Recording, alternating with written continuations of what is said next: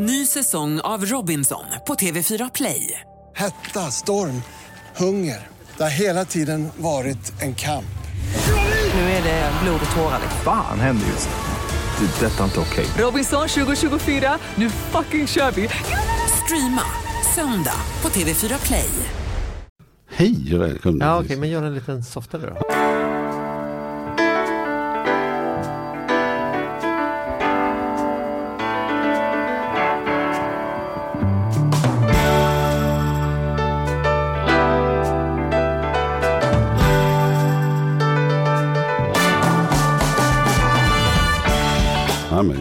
Sagt hej och välkomna till Ekonomi på riktigt med Charlie och Mattias. Hur är läget Charlie? Du, det är bra. Eh, kul att få podda med dig. Ja, Det är så här, det livar upp. Det, är, det här gör vi ju inte varje dag, utan det är bara vid högtidliga tillfällen. Även om, vi, även om det blir varje vecka, men... men, eh, ja men det är kul. Man är lär alltid lite något. extra laddad när det är podddag. Det blir ett avbrott från vardagen. Jag brukar tänka på det, det är ju i sig en lyx att träffa dig, för det tycker jag. Eh, men det är ju en jävla lyx för oss att få ha våra gäster och experter. Man får liksom träffa och hänga och prata med framgångsrika och roliga typer. Det är fan inte få förunnat att få göra det. Mm. Och så är det väldigt roligt när vi får så mycket respons tillbaka från lyssnare. Att det är mycket avsnitt som kommer så att den här borde ni ha, det här skulle vara intressant att höra, den här frågan ska vi ställa, det här vill jag veta mer om. Mm, på tal om det så måste vi nog göra ett nytt avsnitt med lyssnarfrågor. För vi får Mm. in väldigt mycket feedback och väldigt mycket tips på gäster. Så Kul. tack så mycket för Vad- all feedback vi Vad är får. adressen nu för den som inte har den framför sig i huvudet? Charlie och Mattias at gmail.com. Just det. Och är inte svårare än så. M-A-T-H-I-A-S. är det så här? Ja, M-A-T-H-I-A-S O-C-H. Mm. Charlie, C-H. Nu, okej, nu, nu det. är alla i mål med den. Ja, Du, eh, det är brukar- skitkul. Tack, vi också- säga, vi uppskattar det verkligen Ja. jättemycket. Alla mejl läses och alla får svar. Ja, och har man en tillräckligt bra fråga då kan man få komma hit och ställa sina frågor. Så Mm. ett diskussionsprogram.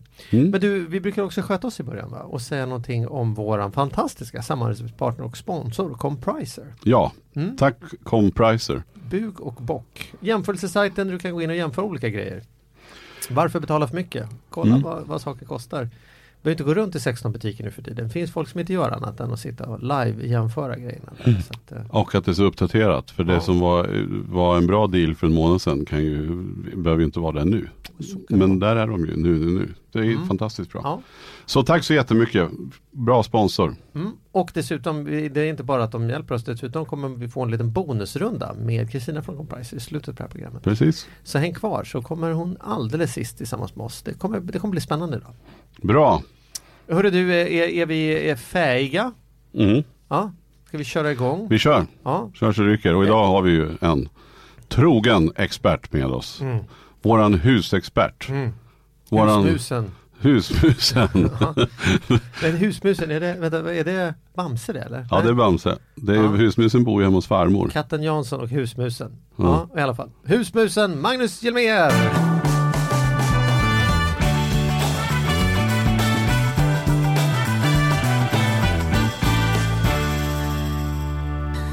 Välkommen. Tack för den. Han var så, vad- vad- du drar alltid ur så här sköna, eller så här sköna stackars Magnus tänker jag. Det är vän med nålen Magnus och Ja, det är jag försökte inte säga det idag. Jag märkte det. Klockan är nu strax efter lunch och Yes. du kom och sa jag är fortfarande lite varm för jag var ute och, drog en, sprang lite på lunchen. Lunchmilen. Och då är det så här, hur långt springer du? En mil. Och då Ja. frågar jag Magnus, hur, hur långt, hur lång tid tar det då, då? Nej. Och då säger ja, 38 någonting. Mm. Mm. Det är ju, och då försökte jag säga att inte ens en, prom, inte ens en procent av svenska folket, kanske inte ens en promille. Eller jag skulle säga att det är inte ens en promille av svenska folket springer på 38 minuter. På lunchen. Nej, men på, Nej, på men en mil. Jo, det Nej, Nej. det gör man inte. Det är inte en på tusen som springer på 38 minuter.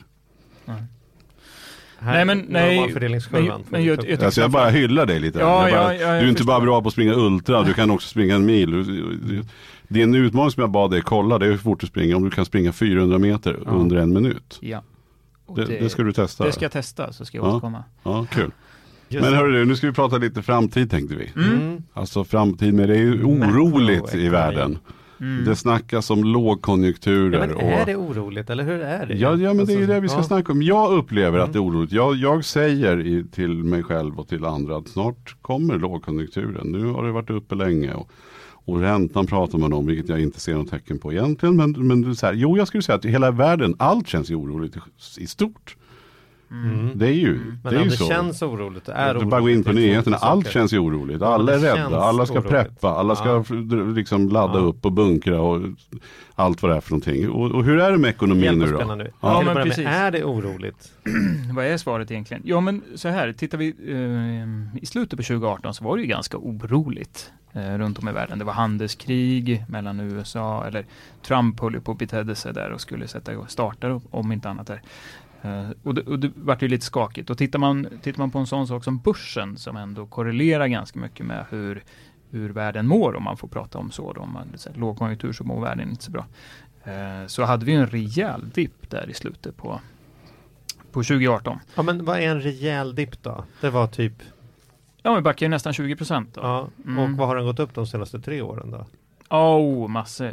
Ja. Men vi, om, vi, om vi pratar om pratar vi dit- de åt, åtta senaste åren så har vi haft en, en uppgång. Så det, det är ju så här.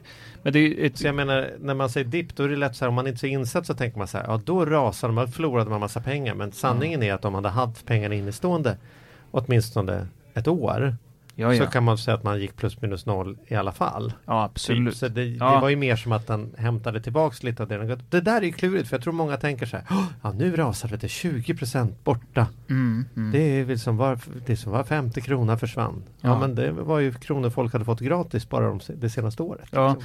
Nej men och så är det ju. Men, men jag tror så här, man, man ser nog bilden som man ser är nog att, att liksom kurvan, om, man tittar väldigt långt historiskt, så har, Mm. den, har den ju alltid pekat liksom, snett uppåt. Mm. Sen har vi haft ett antal jack i kurvan och det, så, det beror ju också lite på så här, när man, när man pratar eh, att, den, liksom, att, det- att det rasar så pratar man ju givetvis den senaste tiden. Återigen Mm. så här, hade du haft pengarna inne på börsen för 50 år sedan så hade det här varit ett pyttehack Mm. eh, om vi pratar procentuellt. Men investerar du precis där och då så, så är det klart att du får en ganska stor påverkan på, Mm. på totala portföljen. Eh, Men börs, börsen är en ganska bra här, indikator på hur världen mår. Den eh, hatar ju osäkert väder. Eh, Mm. Och då så fort det blir skakigt i omvärlden så, så sliter pengarna, slits pengarna bort från börsen. Och, och, Och varför är det, liksom, vad är själva grundmekaniken om vi kan förklara det enkelt? Varför när, när Donald Trump sitter på toaletten och twittrar och säger så här, nu i Kina ska ni inte få några saker gratis här inte. Nej. Varför går börsen ner? Varför blir mina hm aktier plötsligt, säljs det mindre tröjor eller var, varför går börsen ner?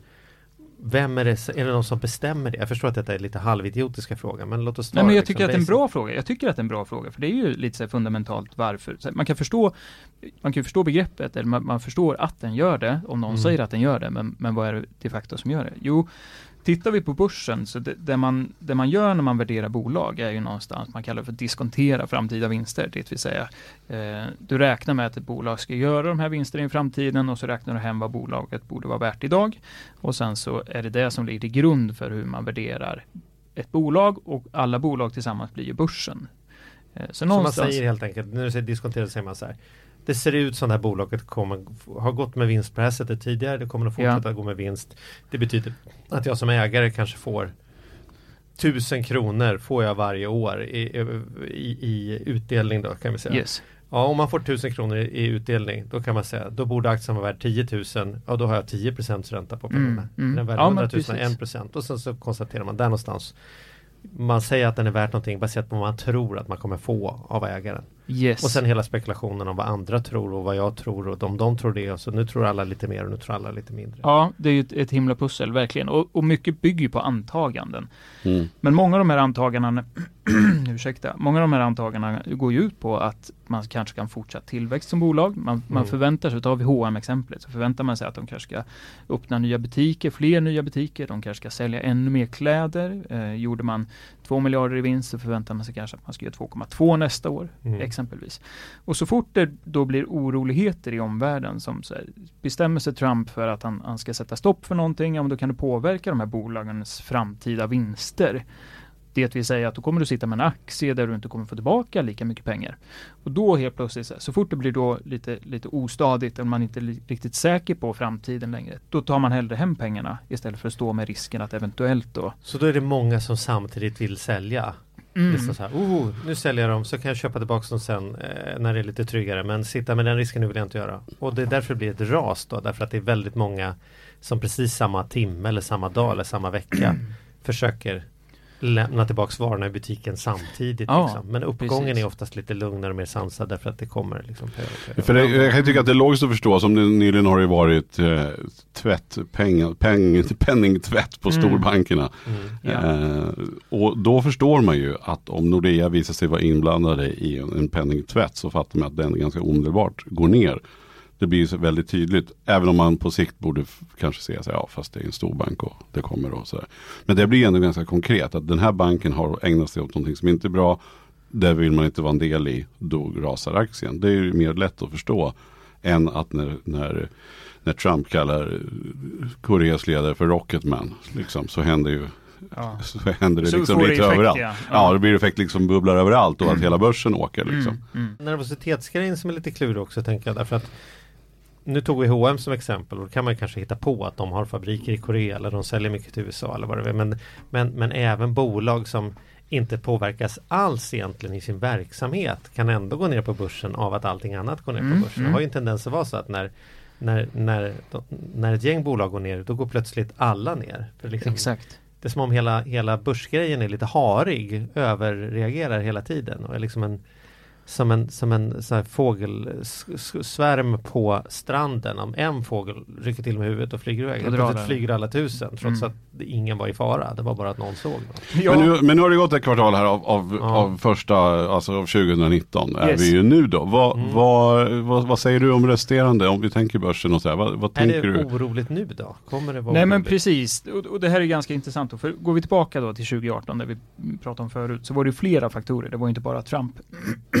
ursäkta igen, att Trump eh, eh, härjar runt, utan eh, man hade också en tro på, börsen korrelerar mycket med hur, eh, vilka räntor som finns som ligger ute. För det är också en sån här, som investerare så är man ju ute efter avkastning. Men man vill ju ha då så mycket avkastning till så lite risk som möjligt. Och ett alternativ då kan vara att investera exempelvis i statspapper. Det vill säga man lånar ut sina pengar till staten och så får man tillbaka lite ränta. Eh, och eh, um, är det så att då räntan på statspapper är väldigt låg så vänder man sig snarare till börsen då. Det finns liksom ingen poäng att låna ut dem där man ändå inte får Om man inte får någon av, kan lika gärna ha dem på börsen.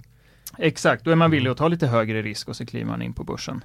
Uh, och då fanns det en oro för räntorna också där i, i slutet på 2018 uh, som gjorde att att räntorna skulle stiga? Ja men precis, att det skulle bli mer attraktivt då att mm. investera mm. i räntor. Eh, så då plockas pengar ut ur börsen och så vill man då hellre investera i räntorna. Så det var må många, många faktorer, men tittar vi då, så här, vi tappar 20% i slutet på 18, eh, tittar vi januari 19 så hämtar vi tillbaka strax över 10%. Eh, så så, så här, det, det, svänger snabbt i hockey och, och det här eh, har ju också många faktorer. Så här, vi, vi har haft en bättre tillväxt överlag. Man pratar ju mycket om, eh, det, det, finns ju lite sådana faktorer som kan vara bra att hålla koll på när man tittar på ekonominyheterna för att förstå hur de här sambanden hänger ihop. Eh, man brukar prata om tillväxt exempelvis. Vad är tillväxt då? Ja, tillväxt är ju alltså, eh, tillväxt mäts ofta i BNP, bruttonationalprodukt. Eh, och det är det samlade värdet av ett lands varor och tjänster. Allt man har producerat under ett år, ja. vad är det värt? Exakt. Och då är det ju lite så att... Ju, Pax får inte räkna på den. det får du be din farsa göra. Ja, det får pappa kalkylatorn göra. Ja, ja det, den, är, den är tuff.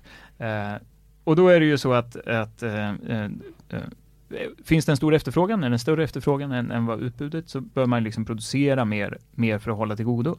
Eh, och då brukar man säga att det är, det är positivt att tillväxten eh, liksom är, är, över noll givetvis, som man brukar prata om. 2 eh, BNP kan vara bra. Mm. Och då, så dels är det ju så, så och det är väl 2 mer än föregående år. ja. Föregående år var allting värt en miljon, nu är det värt en miljon 200 kronor. Ja, då har det gått upp liksom. Ja, men så, precis. Och går det ner då är det värt 998. Liksom. Exakt. Ja, och positiv tillväxt betyder vad då? Det tolkar vi som att Nej, men att, att det är god fart i ekonomin. Folk mm. efterfrågar varor och, och mm. eh, pratar vi industrin så efterfrågas det eh, råvaror och det, det, liksom, det tuffar på. Vi är, vi är eh, ekonomin växer, så kanske man kan säga. Och då tror man att det kommer vara förhållandevis lätt att få jobb. Om Ja. man nu tror att det är förhållandevis lätt att få jobb då kanske man vågar ta ett större bolån och då kan man buda ännu mer när man köper och så blir det ännu mer pengar som gör att man är ännu tryggare och så rullar det på. Liksom. Jajamensan. Ja. Och samma, liksom företagen också, är det ett positivt klimat och man ser en ökad efterfrågan så är man också villig att ta investeringar Mm. som företag eh, och investera på det. Så, så här, BNP är en sån faktor som, som Tillväxt. Tillväxt, ja precis. Mm. Har vi tillväxt? Vi har tillväxt. Eh, Det ramlade in BNP-siffror här, nu är det ett, ett, tag sedan då för, eh, för fjärde kvartalet och eh, 2018 och det såg bättre ut än vad, vad då analytikerna hade förutspått. Mm. Eh, Och mycket handlade den här gången om att exporten var, var en bidragande, stor bid- bidragande faktor. För att Och om vi- kronan är så ruttet låg. Så, att, eh, Så är det ju. Ja, Och om vi glider över då, så om vi då pratar om att, att nu har det varit högkonjunktur väldigt länge. Det, för Arbetslösheten går ner och det tuffar på. Det går bra. Vad, vad, ser vi, vad ser vi? Kommer det bli en låg? Alltså det är klart att det kommer att bli en lågkonjunktur och det är bara frågan om när. Mm, mm. Men, men vad, vad säger du då? Vad, ser vi några tecken? Kommer det liksom, är lågkonjunkturen kommer på gång? När, när kommer det? Ja, om, om någon visste när den kommer så skulle de eh, tälja guld. Mm. Så kan vi säga. Och det är ingen som vet. Men man kan ju titta på lite signaler och ändå så här, det finns en analytikkår där ute som någonstans sitter och, och håller koll på detaljer och på ganska mycket. Eh, det finns ju alltid från så här inköps, eh, inköps, eh, ch- che- inköpschefsindex. Mm.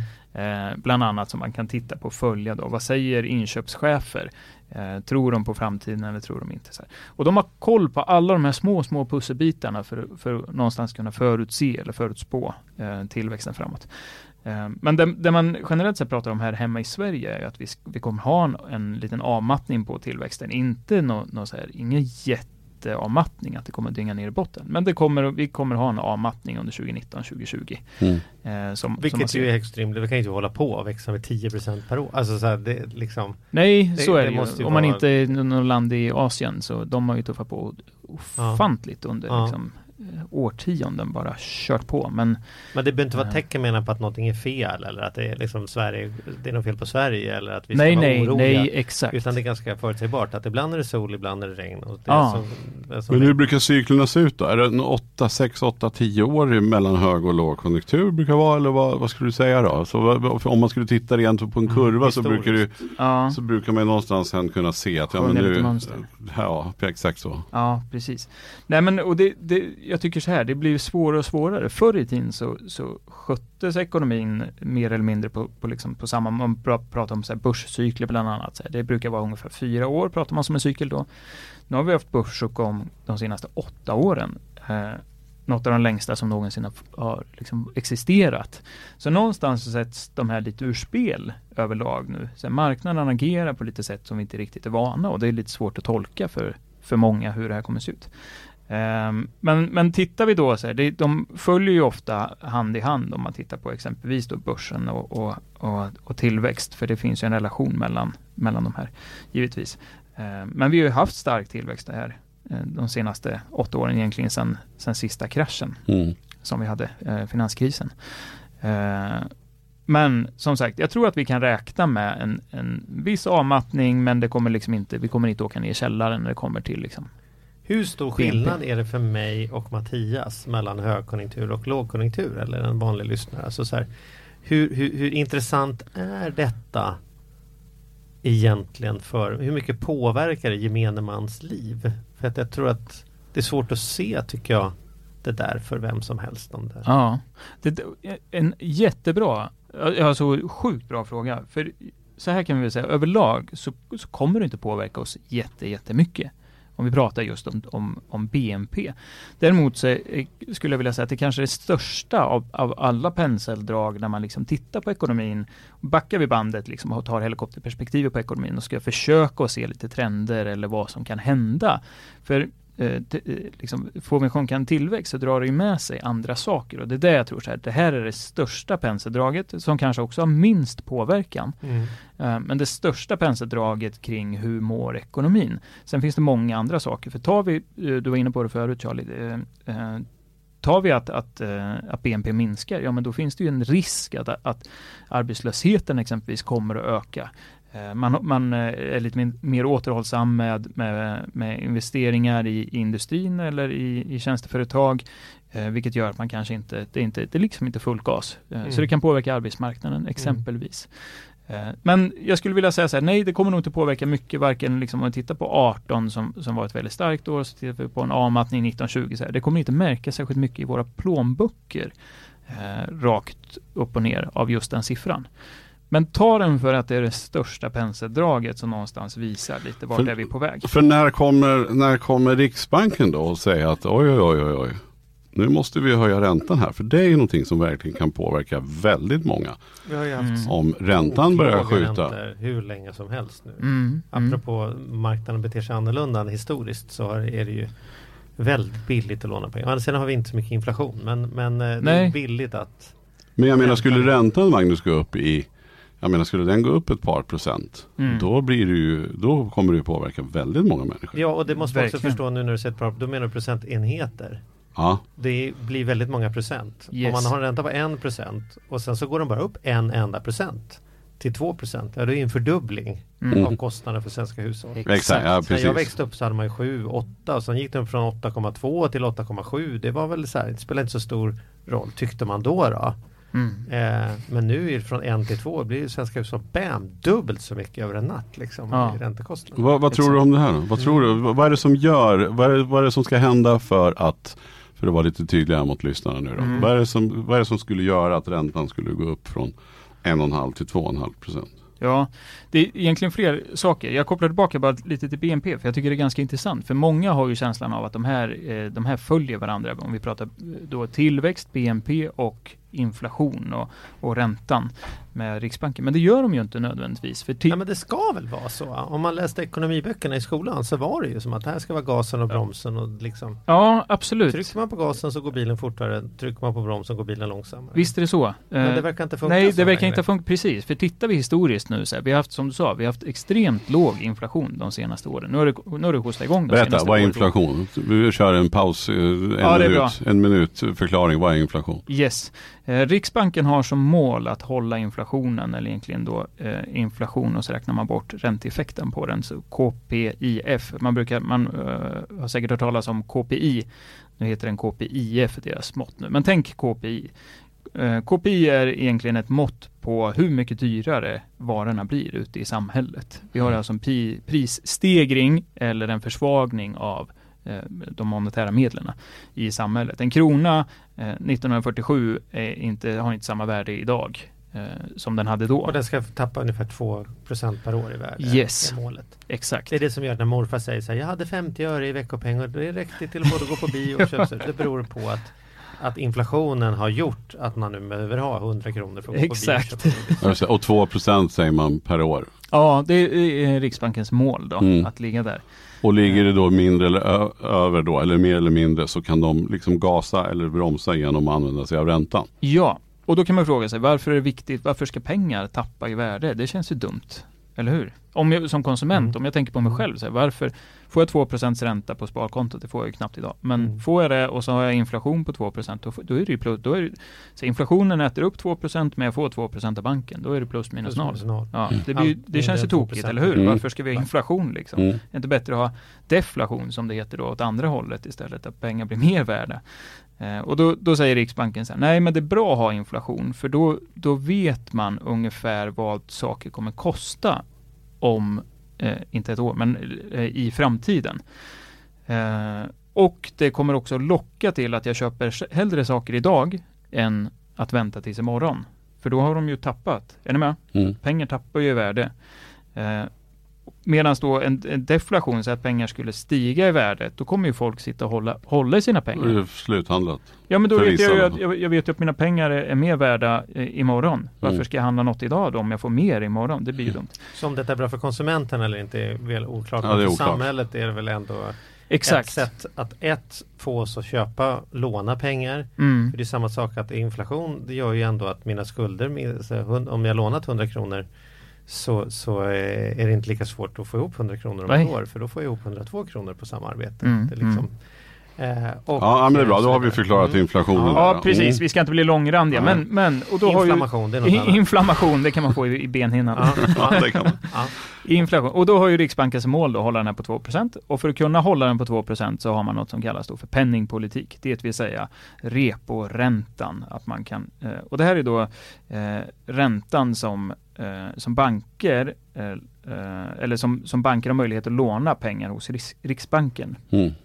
Så betalar de, Ja, de betalar i sin tur inte med. De måste ju tjäna några pengar också. Så att bankerna får låna till de pengarna. Ja. Mm. Och indirekt då så kommer det här att påverka räntorna som banken ger eh, gentemot oss Just som det. kunder. så, så höjs den så borde bankerna eh, i alla fall höja eller sänka lika mycket. Ja. Alltså, om den höjs, då brukar bankerna vara väldigt snabba att höja min ränta och säga att det beror på att reporäntan gått upp. Däremot när den sänks, de är inte lika snabba att sänka åt andra hållet, brukar de säga att ja, det är annat som påverkar, det är inte så mycket påverkning av det där vet du, utan det är annat. Det som är upplåningskostnader vet du. Ja, ja, ja. Ja, nej, men- precis. Och då kan de på så sätt kan man gasa där lite grann och bromsa in det hela. Men det funkar ju inte. Nej men precis, det var ju det vi var inne på. Ja. Då ser vi historiskt här att vi har ju haft, vi har haft en tillväxt, alltså BNP som har varit fantastiskt de senaste liksom, Mm. eh, åtta åren då vi har haft tillväxt, pang säger Men vi har haft en, en inflation som har varit nära nollan då eh, Mm. innan de sista åren här som, när den har kommit igång. Så de här har ju liksom inte riktigt funkat eh, som, eller, sambandet har inte varit 100% säkert om vi säger så. Och det är viktigt tycker jag att ta med sig att det är därför jag hellre ser BNP som det stora penseldraget. Så här, Mm. Hur mår ekonomin i stort? Och sen kan man titta på hur påverkar det här då kanske min ekonomi i större utsträckning. Då ska jag hålla koll på, eh, på inflationen och hur Riksbanken sätter reporäntan. För det kommer påverka mina bolån eller mina andra krediter som jag har. Mm. Ehm, så BNP, du stora skulle, penseldrag, eh, påverkar min ekonomi, bland annat då eh, inflationen. med risk för att låter som en kvällstidning, men om du nu ändå skulle titta in i kristallkulan. Ja. Vad, vad, vad säger experten Hjelmér här nu då? När, när går räntan upp? Ja, Alltså, ju... alltså kommer den, och förlåt, en följdfråga nummer två. När går den upp och i så fall hur mycket, hur mycket kommer den att gå upp då? Hur ser det ut på ett par, tre års sikt, tror du? Ja, det är en bra fråga. Jag tror så här. Eh, nu får alla såklart förstå där ute att det är gissning, som, precis som alla som säger något om Vi inflationen. kommer spela upp det här om två år så får vi se hur det var, hur Ja. god, bra expert du var. tillbaks mellanskillnaden Ja. som vi förlorade eventuellt på bordet. Nej men så här, Riksbanken höjde ju här i, i eh, nu ska vi se, var det i januarimötet? Mm. Eh, så höjde man ju från minus 0,5 till 0, minus 0,25. Eh, och vi har ju fortfarande historiskt låga räntor. Det är ju helt absurt hur billigt det är att låna pengar idag. Och det vill ju Riksbanken att det ska vara, för då får de igång ekonomin och då kommer prisökningarna att dra iväg också om efterfrågan ökar Och då varor. kommer inflationen. Och då kommer inflationen. Så det, det är ju deras syfte. Så här. De sänker räntan eh, för att de vill att vi ska låna mer pengar och få, få igång konsumtionen. Eh, de höjde då till minus 0,25. Nu när, när ändå det ser lite tuffare ut för Sveriges ekonomi eh, så finns det ju kanske inte lika stora incitament för Riksbanken att höja ytterligare. Man pratade om att det skulle, skulle minst komma en höjning till under 2019 då, att vi kanske skulle hamna på nolla. Man höjer, man, historiskt sett så har man eh, ofta höjt då 0,25 eller sänkt då. Ibland så är stegen, stegen lite större. Ehm, och då pratar man om att nej, men 2019 så kommer vi nog att se en höjning till. Eh, jag är tveksam nu med tanke på att, att, eh, att ekonomin ser lite mer dämpad ut. Eh, vi har fortfarande en ganska Eh, en ganska hög inflation. Eh, eh, De senaste siffrorna så backar den lite, men vi ligger på nästan 2% 1,9 tror jag KPIF låg på sist. Så vi har bra tryck i, i, i inflationen också, vilket så här, minskar kanske incitamenten att höja, eh, att, att höja ytterligare. Ehm, men man kan knappt inte sänka mer, för det känner man ju så här, hur ska vi elda på någonting sen då? När, man kan inte sänka, Ja, det, det kan, det det kan ju inte bli. ja. När vi har använt det här och det, och det liksom, hur ska vi då kunna elda på när man redan är nere så lågt? Man kan ju inte så här få plus för att man har lån. Nej men precis. Tänk, om, tänk liksom, igår, vi, vi, vi, vi står och stampar och har gasen i botten. Mm. Det är ju typ vad det är, nollränta Mm. eller minusränta, det är ju Mm. gasen i botten. Mm. Ja, nu helt plötsligt kommer en uppförsbacke. Lågkonjunktur. Ja, vi har redan gasen i botten. Då har vi ju inget Inga vi har medel ju, att Vi har ju inget medel att, att balansera upp det. Har vi Nej. inte förbrukat all vår soppa i nedförsbacken här så har vi liksom ingen soppa kvar till uppförsbacken. Ja, det, är en bra, det är en bra reflektion. Eh, Mario Draghi, eh, ECBs eh, riksbankschef, han, han gick ut här ganska nyligen och sa så här, nej men jag, jag har inga problem att se det, se det som att vi skulle kunna sänka till minus 2% Absolut inga problem. Eh, så jag tror så här, vi, vi ser en ny era. Jag tycker inte, eh, det du sa förut Charlie med så här, när, när vi växte upp, då hade man ju Mm. kanske räntor på så här, 5, 8, 10 procent. Det var ju liksom ganska normala Mm. nivåer i varje fall under en viss period. Mm. Men överlag så kan vi väl ändå säga så här, vi har ju haft ett, en, en, en sjunkande ränta liksom de senaste 30 åren Mm. eh, överlag. Så vi, vi, vi hamnar ju till slut på en nivå som det är svårt att komma under och Riksbanken får mindre och mindre medel att styra med. Eh, men de, de har lite andra verktyg i lådan som de kan Men- använda. Men då Eh, sitter vi som ekonomiska rådgivare, vilket vi är alla tre här i någon, i någon mening. Eh, Ja, då en av oss mer vi- än den andra. Ja, de andra men- kanske. Men då sitter vi ju och säger så här, ja men ta höjd för att det kan bli, när du nu ska låna, när vi gör en Mm. budget, ta höjd för att åtminstone 3% eller jag vill hellre säga att man har sagt ta höjd för 5% Mm. så att du klarar för att få Mm. ihop ekonomin. Då sitter vi ju här liksom då, om din tes slår in så, så här, fan sitter ni och, och gafflar om det händer ju inte ändå. Det är lika bra att ösa på nu och handla för fan. Eller? Shoppa loss! Ja, Nej, ja men så här, det blir ju svårt men att liksom efter så här. som sa det liksom köp så dyrt boende det bara går därför boenden kommer stiga i värde i alla fall. Mm. Eh, kan du gå i pension på ditt boende. Håll inte på att räkna på några 5% liksom räntemarginal utan låna så mycket tills du kräks och så kommer du tjäna pengar på det. Ja. Alltså du vet. Jo men och det, och det är ju så här, det, det, det är så, så himla två delar kan jag tycka. För eh, oavsett så tycker jag man ska ha en sund belåning. Alltså, det kommer vi aldrig ifrån. Så här. Det, är, det, är ingen trevlig situation att sitta så här. Dels har ju bostadspriserna eh, korrigerats en del nu under, under 2018 och framförallt tittar man på, på Storstockholm exempelvis så Mm. ser vi prisfall upp mot 10 procent. Eh, och det är klart att så här, si- sitter jag högt belånad och sen sjunker min värde 10 procent och sen så har jag inte råd att bo kvar eller behöver sälja. Så här, kan, jag, kan jag ta den här förlusten på 10 procent? Det är ju frågan man behöver ställa sig. Så jag kan tycka här, en sund belåning, det, det är alltid utgångspunkten. Men, Och det du menar med sund belåning det är att man, man har, alltså att, att lånet inte över, eller att, att värdet på exempelvis bostaden, eller att lånet inte överstiger värdet på bostaden ska jag säga. ja, men, ja, Eller att man sitter med en bra marginal. Vad, vad skulle du säga, vad är en sund, ja, men vad, vad är en sund belåning då skulle du säga? Nej, men jag, jag kan tycka att det bankerna räknar på, räknar man ju ofta på 7 procent. Det vill säga att här, eh, om, om räntan skulle vara 7 procent, klarar min ekonomi Mm. eh, den kostnaden? Jag kan tycka att det är en sund eh, det, det räknar man ju liksom för att, för att se vilket, vilket lån eh, jag skulle kunna ta. Vilken betalningsförmåga Ja men precis, har. liksom. vad jag har kvar. Mm. Jag kan tycka att den kalkylen är liksom, den är vettig. Jag tror inte vi kommer hamna där heller om vi tittar. Men det finns så många fler faktorer än att vi kommer att ha ränta. Och framförallt då prisfallet.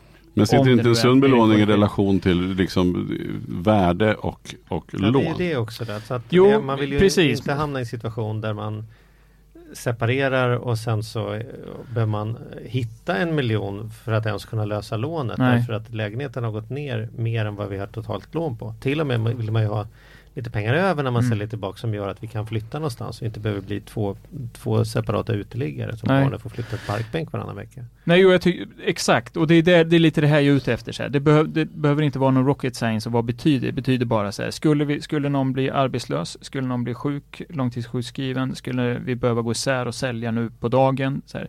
Skulle våra ekonomier klara det här? Inklusive då räkna med ett eventuellt prisfall på Eh, och, så, och sen kan jag tycka så här, nu, nu pratar vi skuldkvot någonstans. Mm. Alltså skulden i förhållande till disponibel inkomst. Jag Mm. kan tycka att räntekvot är ju också ett ganska sunt sätt att se det. Alltså Vad hur, blir det då? Hjälp oss. Ja men hur mycket ränta har jag i förhållande till min disponibla inkomst? Och Mm. tittar vi nu så här de senaste åren så har ju räntekvoten varit extremt låg. Förstås, eftersom För- vi har, Vi har låg ränta Ja. liksom. Ja, och, Mhm. och inkomsterna har inte riktigt ökat i takt men de är fortfarande Även om de är stabila så har vi ju liksom eh, Så räntekvot kan ju vara ett, ett klokt sätt att se på det också. Man behöver kanske inte alltid dra det till att mängden skuld till mängden disponibel inkomst utan faktiskt eh, vad är mina kostnader för? Ja, det är räntan. Mm. Eh, och då kanske räntekvot är ett sundare sätt att se på det. Om man nu ska Mm. vrida och vända lite på det. Just det, för det spelar ju inte så stor roll vad lägenheten eller huset är värt om man sitter med väldigt i procentuellt liten del lån om man ändå inte kan betala räntan på lånen. Så Nej. det blir det, Nej, men det blir precis. ju ingen det hjälp, det hjälps ju inte att man sitter och vet att man har ett övervärde Nej, så länge man inte kan pröjsa räntan. nej. Ska man förvirra detta ytterligare så alla ni som har en bostadsrätt måste ju tänka på att ni har ju lån på lägenheten, många av er. Dessutom har ju föreningen lån och Mm. när räntan går upp går även räntan upp på föreningens lån. Så månadsavgiften kommer ju också stiga om räntan Yes. går upp.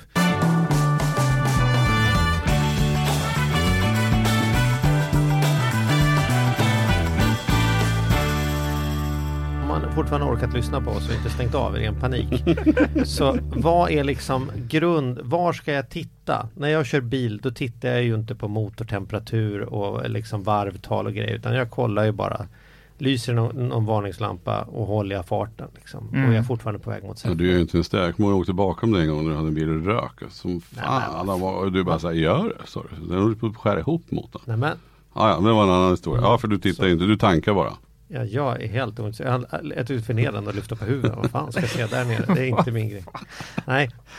Min, men, och, och lite så tror jag många är med ekonomi. Så Ja. vad, vad är det egentligen du tänker så här, om, vad är minsta? Vad är det minsta man borde ha koll på en gång i månaden? När man, om man ska nu ta liksom pulsen på världsekonomin för att på något sätt förstå hur jag ska förhålla mig till om jag ska våga eller vara lite mer tryggare och det ena och andra. Mm. Är det då att man ska ha ett litet Excel-ark med reproräntan kontra kontra tillväxten kontra skuldkvoten kontra liksom börsoption. Alltså så här, vad är Nej, jag tycker inte. Jag, ty- återigen, ta BNP. Eh, eh, den kan vara klokt att hå- hålla koll på. Eh, i det stora penseldraget, hur mår ekonomin? Det som Mm. kommer påverka min ekonomi kanske främst, det är ju boräntorna då, Mm. eh, eller andra krediter. Eh, håll koll på inflationen och ta en liten funderare. Man kan gå in på Riksbank, jag tror inte det är ens Riksbank, riksbank.se.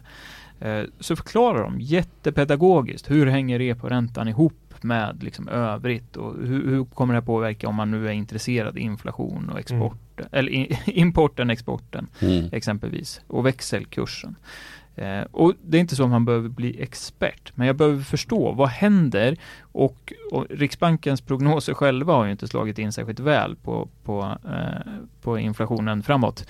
Eh, men om man tittar på, på övrigt som man hör i diskussionen kring inflationen så kan det ändå vara bra. Så säger någon att nej, men vi kommer nog troligtvis att leva i ett, ett lågränte, eh, en lågräntemiljö några år till eller ett gäng år till så, så kan det vara bra att jag förstår mekaniken bakom. Alltså vad är det som Riksbanken det styr på Mm. precis. För det är lite så, hade man, hade man lyssnat på alla, alla experter, eh, kanske oss inklusive, om vi hade pratat för två år sedan, så hade de många liksom bundit medan vi fortfarande liksom har en väldigt låg nivå.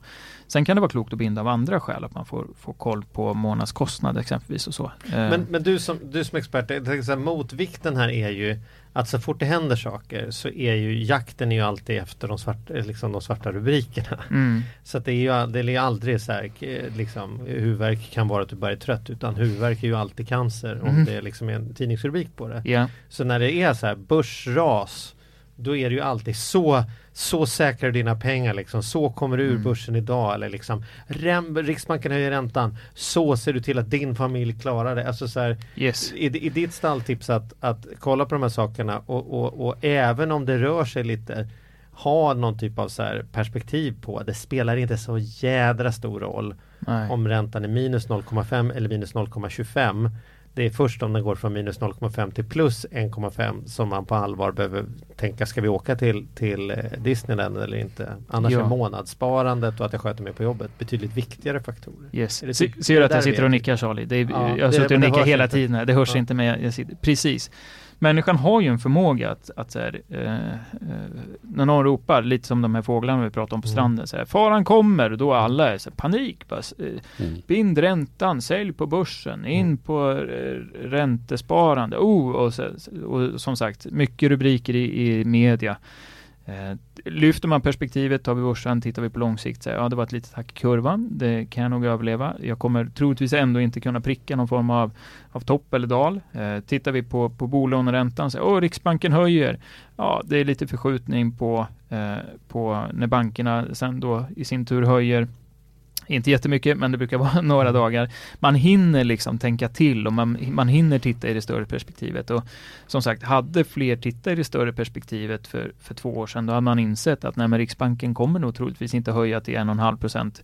Man brukar ungefär dubbla, så, så skulle reporäntan ligga på 1,5 procent brukar man säga att boräntan kanske ungefär ligger då på 3 procent. Eh, ska vi hamna på 3 procent nu, det är ju en dubbling liksom, det är av, av vad vi befinner oss idag. Många har ju kanske 1,50, 1,30. I, Men, det är långt fram. men vad fan, vad är problemet då? Det är, vi har ju inga, vad är det för problem då? Nej men det är inte, alltså Det är inga problem. Vad fan är dessa skandaltider där vi vet att jorden snart kommer gå under och vi preppar ihjäl oss och vi håller på och i allt mörker. Vad fan, men det, det- ser det- ju så här, det- jag kan, så här vi, har, vi kanske har det ganska bra. Vi har det bra och det här lite så här, jag, jag, tyck, jag tycker att vi ibland målar fan på väggen. Så här, Backeband, det är klart att vi kan förvänta oss att, att ekonomin sätter sig lite, vi, liksom, tillväxten kommer att avta lite. Kan hända att vi får en höjning till av, av, liksom, av reporäntan, att Riksbanken höjer en gång till. Men vad gör det? Då ligger vi på nollan liksom. Vad gör det på mina bolån? Ja, det gör säkerligen inte jättemånga eh, liksom, eh, Men, Men- det. I, I somras var det torka och då, Mm. då lät det som om alla nötkreatur i hela Sverige kommer vara döda om en vecka. Så vi kommer få äta korv och biff tills storknar för att det, inga slakterier kan... Och så, så här. Det har ju inte blivit någon gratis biff ute på stan bara för att det var det. Det klarade sig ganska bra ändå. ja.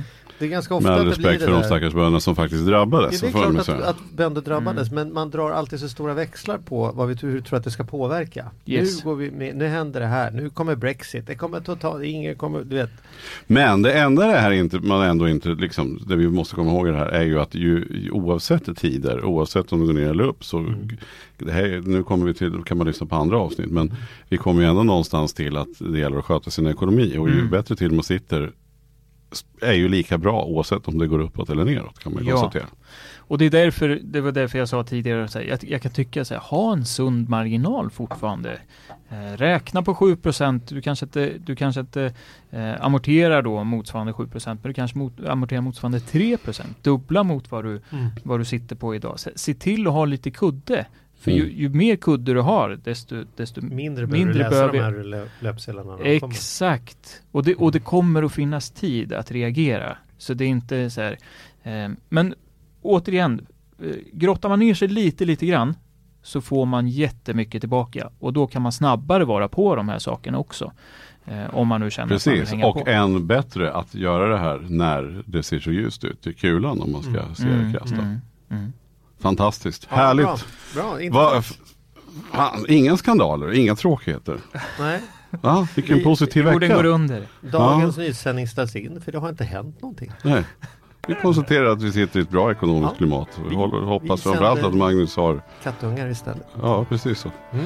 Ja, Tack Magnus. tack så jättemycket Magnus för att du kom. Alltid en stor ära. Ja. Vet du vad vi ska gå och göra nu? Nej. Vi ska ha en AV.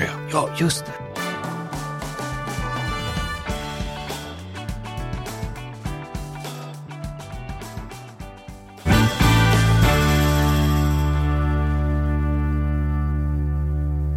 Veckans snabba med Kristina och Cobb Pricer. Ja, Är det bra? det är bra. Härligt. Ja. Vad ska vi få lära oss för vettigt idag? Idag ska vi prata om vad vi har för skydd för våra pengar. Tänker du alltså investerings... Precis, sparkonto, vad vi har för skydd om vi sätter in pengarna på sparkonto, vad vi har för skydd om vi köper aktier och sånt. Alltså om vi, de vi ger våra pengar till för att förvalta dem, vad har vi för skydd om de skulle gå konkurs? Ja, vad händer? Ja, om du har ett sparkonto som har insättningsgaranti, som är det viktiga att man har på sparkonto. Det finns ju sparkonto utan, man får mycket högre ränta.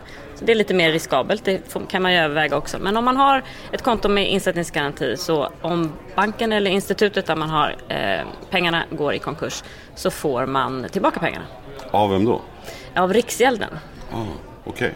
Så, så, Så du det är, har man det så är det på riktigt ett det är på riktigt och, du, Ja. ko- och man får det inom tre veckor och så, så det är väldigt strukturerat och, eh, och riktigt. Mm. Man får upp till 950 000 kronor per konto och institut. Så att om man har väldigt mycket pengar som man vill ha på ett sparkonto kan man ha olika sparkonton på olika, hos olika banker. Så, så täcks det hos varje bank. Hur vanligt är detta att det överhuvudtaget kommer på fråga? Hur ofta händer det att någon Att, på riktigt behöver ringa Riksgälden och säga det, det, det har hänt, ja, men det var länge sedan.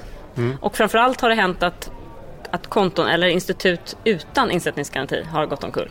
Så, att, så att det är viktigt att ha det. Det är ju, det är för att bygga upp ett förtroende in, Tycker du, har du insättningsskydd? Jag har insättningsgaranti. Jag vill hellre, de pengar som jag vill riska lite mer och, och ha lite på lite längre sikt sådär, då, då köper jag aktier. Det är också en risk. Eh, men jag vill inte ge dem till, till några som inte har något större, eh, liksom, skydd alls. Men eh, det kan man absolut göra och det behöver inte vara fel. Hur är det på det där när du säger att de andra sätter på börsen? Finns det något motsvarande till insättningsgaranti för Ja, det Forskningen. finns det faktiskt. Det finns något som heter investerarskyddet. Och det är bara upp till 250 000. Eh, Det finns ju många som har större sparande i aktier och fonder än det. Men det här är eh, ett skydd om det har gjorts något regelbrott. Om liksom institutet har verkligen inte följt reglerna. Då går eh, Riksgälden här in och stöttar också. I vanliga fall behöver du inte vara orolig med en bank går i konkurs för att deras tillgångar och dina tillgångar ska vara separata. Så du får alltid tillbaka dina tillgångar om du har eh, aktier och fonder. Bra.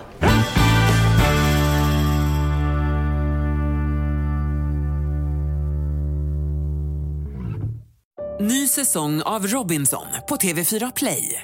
Hetta, storm, hunger. Det har hela tiden varit en kamp. Nu är det blod och tårar. liksom. Fan händer just nu.